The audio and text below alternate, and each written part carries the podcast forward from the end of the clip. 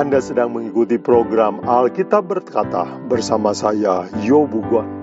Jika Anda mempunyai pertanyaan Alkitab atau permintaan doa, hubungi kami di 0821 1610 1612.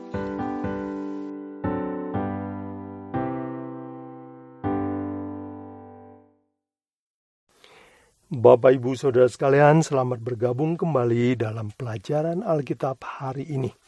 Hari ini kita akan menjawab pertanyaan apa kata Alkitab tentang bunga dan investasi. Baik saudara sekalian, sebelum kita belajar, seperti biasa kita akan meminta tuntunan Tuhan. Bapa dalam surga, terima kasih untuk semua pedoman firman Tuhan kami hidup di akhir zaman menunggu Yesus datang. Bagaimana kami harus menunggu, bagaimana kami harus bekerja, bagaimana kami boleh mengelola segala talenta yang Tuhan titipkan. Tuhan ajari kami supaya kami hidup seimbang dengan bijaksana di akhir zaman ini sambil menunggu Tuhan datang. Diberkati semua pendengar supaya berkat yang limpah selalu menyertai para pendengar sekalian. Bantu kami selama kami belajar. Roh Kudus kiranya selalu menolong kami. Dalam nama Yesus kami berdoa. Amin. Nah saudara sekalian hari ini kita akan menjawab pertanyaan seorang saudara kita bertanya apakah orang Kristen boleh menerima bunga atau riba yang kata Alkitab dan bagaimana seharusnya orang Kristen berinvestasi bukankah berinvestasi dan mencari uang bisa menjadikan kita budak uang dan lupa Tuhan. Jadi bagaimana dan berapa banyak investasi yang seharusnya kita lakukan? Bukankah Yesus akan segera datang? Bagaimana sikap yang bijaksana di tengah-tengah menanti akhir zaman dan kedatangan Yesus ini? Nah, saudara sekalian, itu adalah pertanyaan yang bagus dan banyak orang ingin juga mengetahui hal ini. Itu sebabnya saya coba menjawabnya dengan pakai prinsip Alkitab ya. Baik saudara sekalian, kita buka sebuah perumpamaan dari Yesus untuk menjadi acuan pelajaran kita. Yesus di dalam Matius 25 ayat 14 sampai 30 menceritakan sebuah perumpamaan tentang talenta. Dan perumpamaan ini diceritakan setelah Yesus berkhotbah tentang akhir zaman yaitu Matius 24. Kalau begitu, perumpamaan talenta adalah buat kita yang hidup di akhir zaman, bukan? Apa yang Yesus ajarkan dalam perumpamaan talenta ini? Yesus berkata di dalam ayat Matius 25 ayat 14 dan 15 Yesus berkata sebab hal kerajaan sorga sama seperti seorang yang mau bepergian ke luar negeri dan memanggil hamba-hambanya dan mempercayakan hartanya kepada mereka. Yang seorang diberikannya lima talenta, yang seorang lagi dua talenta, yang seorang lagi satu talenta masing-masing menurut kesanggupannya. Lalu ia berangkat. Yesus menceritakan perumpamaan ini untuk mengajarkan bagaimana caranya kita menunggu Yesus datang. Ya, Tuhan adalah lambang dari Yesus. Hamba-hambanya adalah semua orang Kristen, semua orang percaya kepada Yesus. Bagaimana caranya mereka harus menunggu sebelum Yesus datang? Kemudian di dalam ayat 16 dan 17 dikisahkan bahwa tuannya itu datang kembali.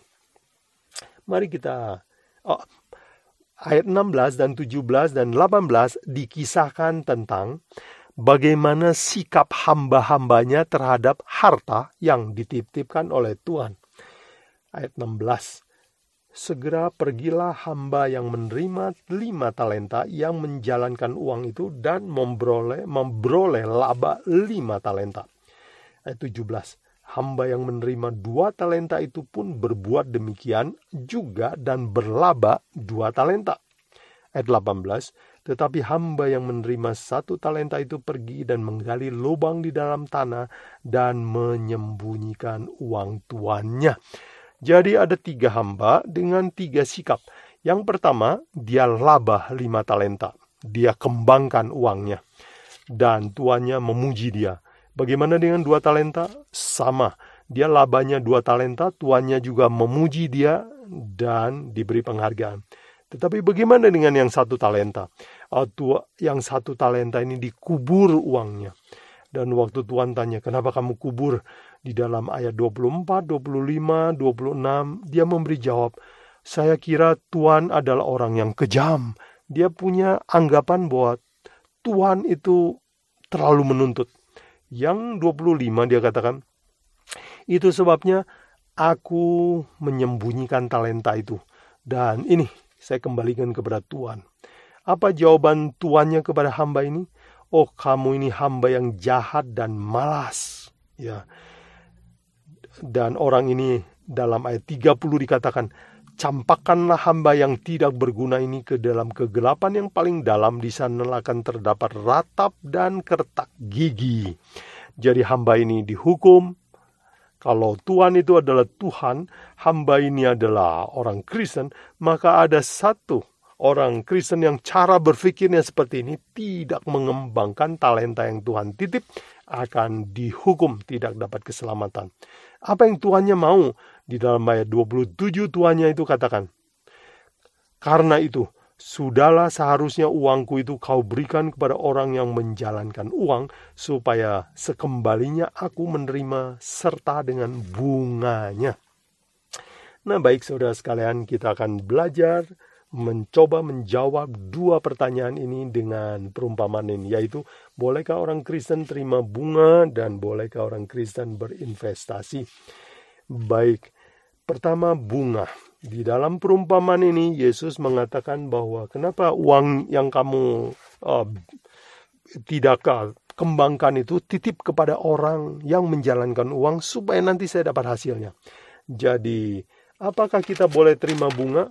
Dalam perumpamaan ini kita dapatkan kesan bahwa boleh, tetapi dengan cara apa? Titipkan kepada orang yang menjalankan uang itu pun kalau kita tidak bisa menjalankannya. Jadi tetap kita harus mengembangkannya. Dan dengan menitipkan kita dapat hasil dari usahanya atau imbalan dari hasil dengan menitipkan uang tersebut. Dan ini juga disebut bunga. Jadi menerima bunga dengan menitipkan uang kepada orang, badan usaha yang menjalankan uang itu adalah boleh ya badan usaha yang menjalankan uang apa? Misalnya bank, mereka menjalankan uang, uh, obligasi, baik pemerintah atau perusahaan swasta, bursa saham, kita menitipkan uang kepada perusahaan, perusahaan itu memberikan saham kepada kita, dan perusahaan akhirnya menggunakan uang itu untuk mengembangkan usahanya. Dan kita dapatkan bunganya atau bagi hasilnya. Jadi bunga yang demikian adalah boleh dan perlu karena uang yang diam itu tidak produktif, bukan? Dan itu di mata Tuhan adalah hamba yang jahat kalau kita tidak membuat harta yang Tuhan titipkan produktif. Nah, sekarang tetapi di dalam Alkitab ada kata riba atau bunga uang tinggi yang orang Kristen tidak boleh terima. Dan itu saya baca, ditulis dalam beberapa tempat, kalau saudara search di Alkitab elektronik, kata riba, saudara akan dapatkan banyak ayat. Tetapi saya akan kutip Imamat 25 ayat 35 sampai 37. Apabila saudaramu jatuh miskin, sehingga ia tidak sanggup bertahan di antaramu, maka engkau harus menyokong dia sebagai orang asing dan pendatang supaya ia dapat hidup di antaramu.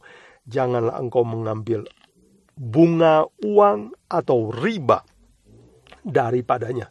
Melainkan engkau harus takut akan alamu supaya saudaramu dapat hidup di antaramu. Ayat 37.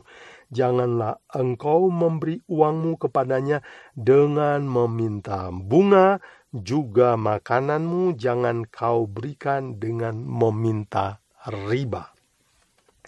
Yang Tuhan katakan jangan terima adalah bunga uang atau riba atau nesak dalam bahasa Ibrani yaitu bunga uang dari orang miskin Dan biasanya ada praktek membungakan uang kepada orang miskin yang tidak punya jaminan, umumnya bunganya lebih tinggi dan sangat tinggi, bahkan sebagian sangat tinggi.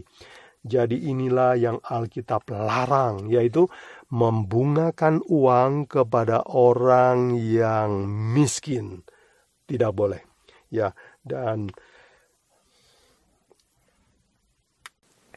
bahkan Tuhan mengatur bagaimana orang miskin ini bisa bebas dari hutang. Ya, kepada orang yang meminjam hanya untuk makan, untuk pakaian, bertahan hidup, Tuhan bahkan bilang, beri mereka pinjam. Dan Tuhan mengatur setiap tahun ketujuh, yaitu tahun sabat, bebaskan hutang orang miskin yang tidak bisa bayar kepada kamu. Dan pada tahun ke-50, yaitu tahun Babel, uh, Yobel, setelah tujuh kali tujuh sabat, datanglah tahun ke-50, ya Tuhan mengatakan bahwa seluruh gadai, tanah yang digadaikan, hutang itu harus bebas semuanya. Orang Israel diajarkan untuk murah hati sama orang miskin. Bukan hanya jangan ambil bunganya dari orang miskin, kalau perlu bebaskan hutangnya. Dan begitulah cara Tuhan mengatur perekonomian umat Tuhan. Jadi, saudara sekalian, membungakan uang dengan menitipkan kepada lembaga yang menjalankan uang adalah boleh dan bahkan perlu. Itu Tuhan suka.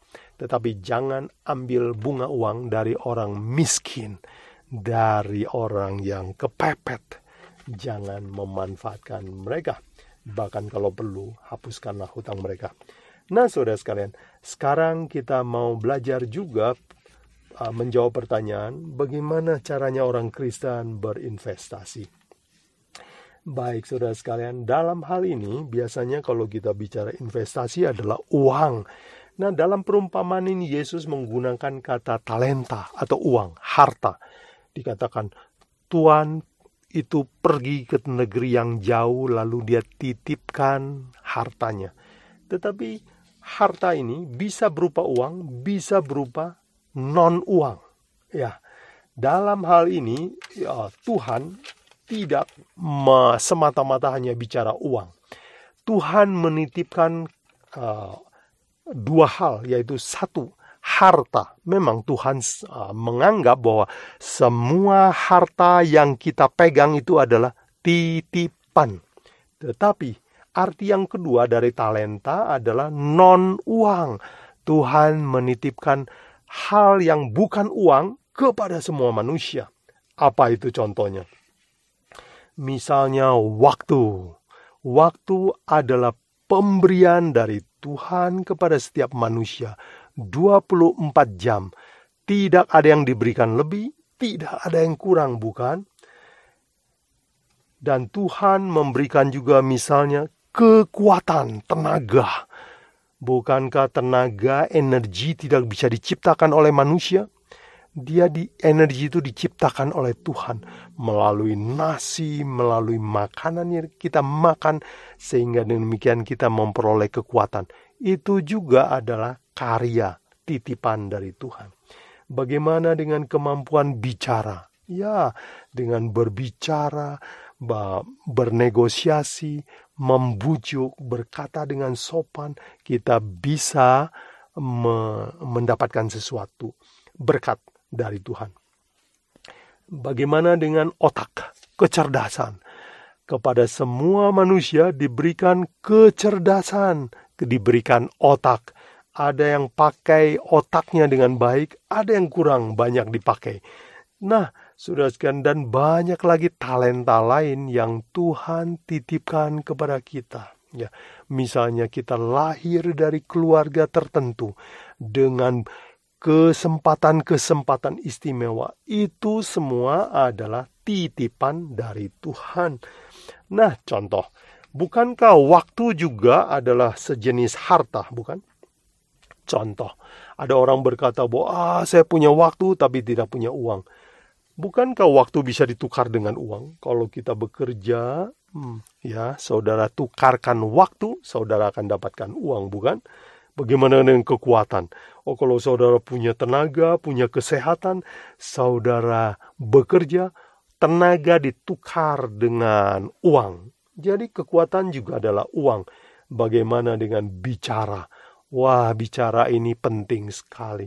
Orang yang bicaranya baik biasanya mendapat simpati orang. Tadi pagi saya jalan pagi saya tidak bermaksud untuk belanja, tetapi ada seorang pedagang pisang yang manis sekali bicaranya bilang, Neng, mangga silakan beli pisang, uh, harganya murah. Waktu saya bilang, oh saya belum rencana beli, dia bilang, oh sing selamat ya Neng, uh, kalau ada waktu silakan mampir lagi. Oh, begitu ramah dia bicara dan mengucapkan kata-kata yang baik. Saya bilang sama istri saya yang menemani jalan, saya bilang, "Oh, orang ini ramah sekali, bicaranya baik. Mari kita belanja sama dia." Jadi kita belanja dan kita kami bilang, "Titip ya, nanti waktu kami kembali baru kami jemput." Jadi orang ini punya talenta bicara yang bagus, keramahan yang bagus dan keramahannya itu telah berubah menjadi keuntungan karena saya beli pisang beberapa sisir dari orang yang ramah ini. Bagaimana dengan otak saudara sekalian? Oh, kalau otak orang bilang oh Tuhan uh, tidak memberikan saya modal. Kita sering lupa bahwa otak adalah modal terbesar yang Tuhan berikan kepada manusia. Kita lihat contoh Bukankah perusahaan seperti Apple Computer itu dibangun dari apa? Apakah modal yang banyak? Tidak. Dibangun dari sebuah ide bagaimana bikin komputer yang bisa digerakkan oleh mouse, bagaimana bikin handphone yang bisa dicubit-cubit lalu gambarnya bisa membesar, oleh jari disentuh-sentuh gambarnya bisa bergerak, bisa bergulir. Ide itu datang dari mana? dari otak bukan dan pendirinya hanya dengan berpikir lalu tawarkan idenya kepada orang lain sekarang Apple Computer adalah perusahaan multi miliar dolar US dollar di bursa saham. Jadi semua datang dari mana? Dari otak, dari kecerdasan, dari kreativitas. Jadi kita bisa ambil kesimpulan apa itu uh, talenta? Talenta adalah satu uang, modal yang Tuhan titipkan dalam hidup kita. Yang kedua adalah hal-hal non-uang yang Tuhan berikan kepada kita. Waktu, kekuatan, kemampuan bicara, kecerdasan. Baik, saudara sekalian. Nah, apa yang Tuhan mau kita lakukan dengan semua titipan ini? Ya, titipan. Ya, kita perlu ingat kata ini. Semua yang kita punya adalah titipan. Apakah yang non uang maupun uang. Itu cara berpikir yang Tuhan mau kita mengerti. Oke. Jadi, bagaimana berinvestasi yang baik? Pelajaran yang pertama yang harus kita ambil adalah satu, semua adalah titipan Tuhan ya. Prinsip yang kedua, Prinsip yang kedua adalah Allah adalah sumber segala ekonomi karena dia adalah pencipta kita. Tuhanlah yang menciptakan emas di bumi. Dialah yang berkata kepada tanaman berkembang biaklah. Dialah yang membuat manusia bisa beranak cucu. Dialah yang menciptakan kecerdasan. Dialah yang menciptakan emas dan perak. Dialah yang membuat matahari, dialah yang menciptakan sistem kehidupan, reprodu sistem reproduksi. Dialah yang menciptakan energi. Bukankah dalam ilmu fisika kita belajar bahwa energi tidak dapat diciptakan dan tidak dapat dihilangkan? Karena penciptanya satu, yaitu Allah kita. Jadi prinsip yang kedua adalah kita harus tahu bahwa semua adalah titipan, sumber ekonomi adalah Allah pencipta kita sendiri. Jadi saudara sekalian, semua yang kita punya adalah titipan. Prinsip yang kedua Oh ya, tadi itu prinsip pertama. Prinsip yang kedua adalah sambil menunggu Tuhan datang, kita harus menunggu dengan bekerja aktif atau berinvestasi aktif. Mari kita baca Lukas 19 ayat 13, yaitu sebuah perumpamaan yang sama dicatat oleh Lukas dengan bahasa yang berbeda. Di dalam Matius menggunakan kata talenta, di dalam Lukas 19 menggunakan kata mina. Dua-duanya adalah mata uang. Dan di dalam Lukas 19 ayat 13 ada ayat yang menarik ya. Bagaimana seorang hamba yang baik harus menunggu tuannya datang. Saya baca Lukas 19 ayat 13 ia memanggil sepuluh orang hambanya dan memberikan sepuluh mina kepada mereka. Katanya, pakailah ini untuk berdagang sampai aku datang kembali. Berdagang sampai aku kembali ya. Occupy till I come dalam bahasa King James Version. Apa yang tuannya mau? Aktiflah berdagang, aktiflah berinvestasi sambil menunggu tuannya datang. Ah, jadi prinsip yang kedua dalam investasi yang Tuhan mau adalah sambil menunggu Tuhan datang kita harus melakukan sesuatu. Kita harus aktif mengembangkan semua titipan Tuhan kepada kita. Baik, kita lihat prinsip yang ketiga yaitu inventarisasi apa yang kamu punya. Titipan apa yang Tuhan berikan. Oke. Okay?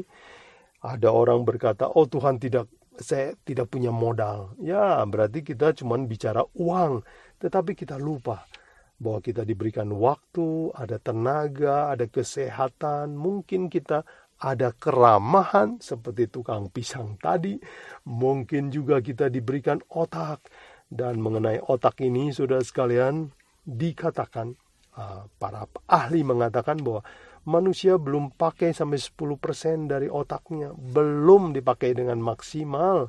Jadi kalau dipakai dengan baik-baik, otak ini ajaib sekali. Dia mengha bisa menghasilkan banyak sekali hal lebih daripada orang yang punya modal, bukan? Jadi coba kita daftarkan. Mungkin hari ini kita tidak punya uang, tapi coba periksa berapa waktu yang kita punya bisa nggak dijadikan uang? Periksa tenaga kita. Apa yang bisa kita kerjakan hari ini? Mungkin dengan tenaga kita juga bisa mengubahnya jadi uang.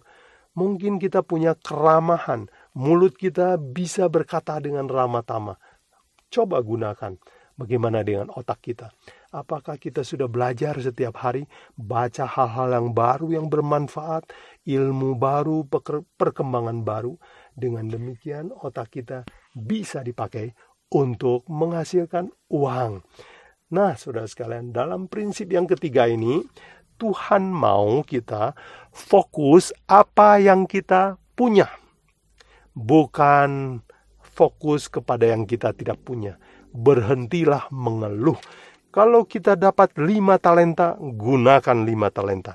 Kalau dapat dua, gunakan dua. Kalau dapat satu, gunakan satu. Apa yang dititipkan, itu yang kita gunakan. Jangan mengeluh soal yang kita tidak punya. Prinsip yang nomor empat. Ya, yaitu tujuan investasi. Tujuan orang Kristen berinvestasi haruslah berbeda dengan orang dunia dalam berinvestasi. Ya, ketika Tuhannya itu datang dalam Matius 25 ayat 20 ketika lihat dengar tuannya datang mereka segera laporan katanya Tuhan, lima talenta yang Tuhan percayakan kepadaku, lihatlah, aku telah beroleh lima talenta. Tujuan mereka untuk berinvestasi adalah untuk menyenangkan tuannya. Jadi, yang keempat prinsip kita berinvestasi adalah kita mencari uang, berinvestasi, mengembangkan semua talenta kita adalah untuk memuliakan Tuhan. Dan setelah kita memuliakan Tuhan, Tuhan akan bilang, "Saya akan kasih kamu hadiah." Jadi, dengan kata lain, investasi kita juga selain memuliakan Tuhan, boleh juga untuk membahagiakan keluarga, untuk menolong kerabat kita yang susah, dan untuk menolong orang lain. Yang Tuhan tidak suka dari investasi yang salah adalah mencari uang untuk memuaskan diri sendiri. Dalam Matius 24, maafkan, dalam Lukas 12 ayat 13 Yesus bercerita tentang orang kaya yang bodoh. Apa yang membuat Yesus menyebut orang kaya ini bodoh? Sebenarnya orang kaya itu bisa jadi berkat bagi orang lain. Tetapi Yesus menyebut dia bodoh. Kenapa? Jawabannya ada dalam Lukas 12 ayat 19. Sebab orang ini berkata, saya baca dari 18 dan 19 ya. Lalu katanya, inilah yang akan aku perbuat Aku akan merombak lumbung-lumbungku, aku akan mendirikan lebih besar, aku akan menyimpan di dalamnya segala gandum dan barangku. Sesudah itu aku akan berkata kepada jiwaku, jiwaku ada padamu barang-barang tertimbun untuk bertahun-tahun lamanya.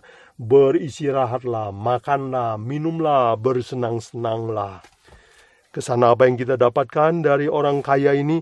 Dia menimbun untuk kesenangan diri dan melupakan Tuhan. Itu sebabnya dalam perumpamaan ini Yesus berkata, Hai orang kaya yang bodoh, bagaimana kalau hari ini nyawa, malam ini nyawamu diambil? Jadi Yesus dalam perumpamaan ini mengajarkan tujuan dari investasi adalah untuk memuliakan Tuhan dan untuk memelihara keluarga dan untuk menolong menjadi berkat bagi orang lain. Saudara sekalian, Uang di tangan orang yang tidak bijaksana bisa jadi kutuk, tetapi uang di tangan orang bijaksana bisa menjadi pertolongan bagi sesama manusia. Jikalau uang digunakan untuk makan terlalu banyak, hiburan terlalu banyak buat diri sendiri, itu tentu akan merusak kesehatan kita, bukan? Tetapi kalau uang untuk memberi menolong orang supaya bisa makan, supaya orang bisa mempunyai pendidikan yang lebih baik, tentu saja ini adalah berkat. Satu kali saya mendengar di internet ada seorang kaya diwawancara. Dia bilang, e, berapa uang yang sebaiknya kita cari? Orang kaya ini menjawab dengan bijaksana. Dia katakan, oh nasihat saya adalah carilah uang sebanyak-banyaknya. Kemudian gunakanlah seperlunya saja. Dan yang ketiga, bagikanlah sisanya. Bahagiakanlah orang lain dengan sisanya. Jadi saudara sekalian, ini adalah sebuah nasihat yang bijaksana bukan? Apa nasihat Alkitab jikalau tujuan investasi kita sudah bergeser? 1 Timotius 6 ayat 9 dan 10 Paulus memberikan nasihat yang seimbang. Dia katakan, saya kutip ayat 9, tetapi mereka yang ingin kaya terjatuh ke dalam pencobaan, ke dalam jerat, dan ke dalam berbagai nafsu yang hampa, yang mencelakakan, yang menenggelamkan manusia ke dalam keruntuhan dan kebinasaan. Ayat 10 karena akar segala kejahatan ialah cinta uang. Sebab oleh memburu uanglah beberapa orang telah menyimpang dari iman dan menyiksa diri dengan berbagai duka. Kapan tujuan investasi kita sudah di luar kehendak Tuhan, yaitu bila mana kita sudah meninggalkan iman kita, bila mana kesehatan kita menjadi rusak, keluarga kita menjadi berantakan karena uang. Kita menyiksa diri dengan jam kerja yang berkepanjangan, keributan yang di, tidak perlu dengan teman-teman kerja atau rekan-rekan bisnis. Bila mana semua kerumitan ini terjadi, maka Paulus katakan kita sudah terjerat dengan uang. Jadi yang keempat adalah tujuan investasi adalah untuk memuliakan Tuhan ya. Karena kita tahu bahwa Yesus akan datang, buatlah investasi kita itu simple, ringkas, dan tidak menjauhkan hati kita dari Tuhan. Bila mana saudara berjalan ke luar negeri, Tentu saja saudara tahu suatu hari akan pulang bukan? Saudara boleh berinvestasi di luar negeri tetapi saudara tidak akan berinvestasi sesuatu yang membuat hidupmu ribet bukan? Karena saudara tahu saya harus pulang. Jadi berinvestasilah yang berkenan kepada Tuhan karena dan dalam uh, hal semua itu janganlah terjerat ke dalamnya sebab kita tahu bahwa Tuhan akan datang. Inilah keseimbangan yang kita perlukan. Jadi saudara sekalian, sebagai ringkasan kita telah belajar bunga. Membungakan uang adalah boleh jikalau dititipkan kepada badan usaha lain. Tetapi mengambil bunga dari orang miskin karena kemiskinannya tidak boleh. Bagaimana dengan prinsip uh, investasi? Tuhan menitipkan kepada semua orang dalam bentuk uang dan non-uang. Dan kita harus mengerti rencana Tuhan buat hidup kita. Prinsip yang pertama yaitu semua adalah titipan Tuhan dan Tuhan adalah sumber ekonomi. Yang kedua, sambil menunggu Tuhan datang, kita harus berinvestasi dengan aktif, mengembangkan sebuah semua talenta kita. Tidak boleh diam-diam dalam tidak melakukan apa-apa dalam menunggu kedatangan Tuhan. Yang ketiga adalah coba inventarisasi talenta apa yang Tuhan titipkan kepadamu Jangan fokus yang tidak ada. Perhatikan apa yang ada. Dan ingat otak adalah sebuah bagian yang paling berharga dari talenta yang Tuhan titipkan. Yang keempat adalah tujuan kita berinvestasi adalah untuk memuliakan Tuhan, membahagiakan keluarga, dan menjadi berkat bagi orang lain. Jangan gunakan untuk memanjakan diri sendiri. Nah, saudara sekalian, sebagai penutup, saya ingin memberikan sebuah ilustrasi pengalaman saya. Suatu hari, pada beberapa tahun yang lalu, di rumah saya adalah ada sebuah televisi hitam putih, dan di rumah saya ada rak buku. Di rumah saya ada buku tentang bagaimana berinvestasi, bagaimana caranya menjadi kaya, bagaimana memulai usaha, ada di rak buku dan ada sebuah TV hitam putih. Suatu kali, seorang maling masuk ke rumah saya. Coba saudara tebak, apa yang akan dia curi dari rumah saya? Televisi atau buku bagaimana menjadi kaya? Yang dia ambil adalah televisi hitam putih. Besoknya waktu saya bangun, saya lihat, oh TV saya sudah hilang tetapi dia tidak tertarik untuk mengambil buku tentang bagaimana berinvestasi. Nah, saudara sekalian, menarik bukan? Manusia tidak mau mau yang manusia maunya yang instan. Dia nggak mau belajar dulu, berinvestasi, menggunakan pikirannya lebih banyak. Yang mana itu adalah semua talenta dari Tuhan, bukan? Dan menarik sekali, orang pencuri akan tetap mencuri sebab dia mau uangnya. Dia nggak mau mengembangkan talentanya. Saya bertemu dengan seorang yang sangat kaya dan dia satu hari berkeluh kesah kepada saya. You tahu, banyak orang yang datang ingin bertemu saya dan mereka minta sumbangan berharap bantuan uang dari saya.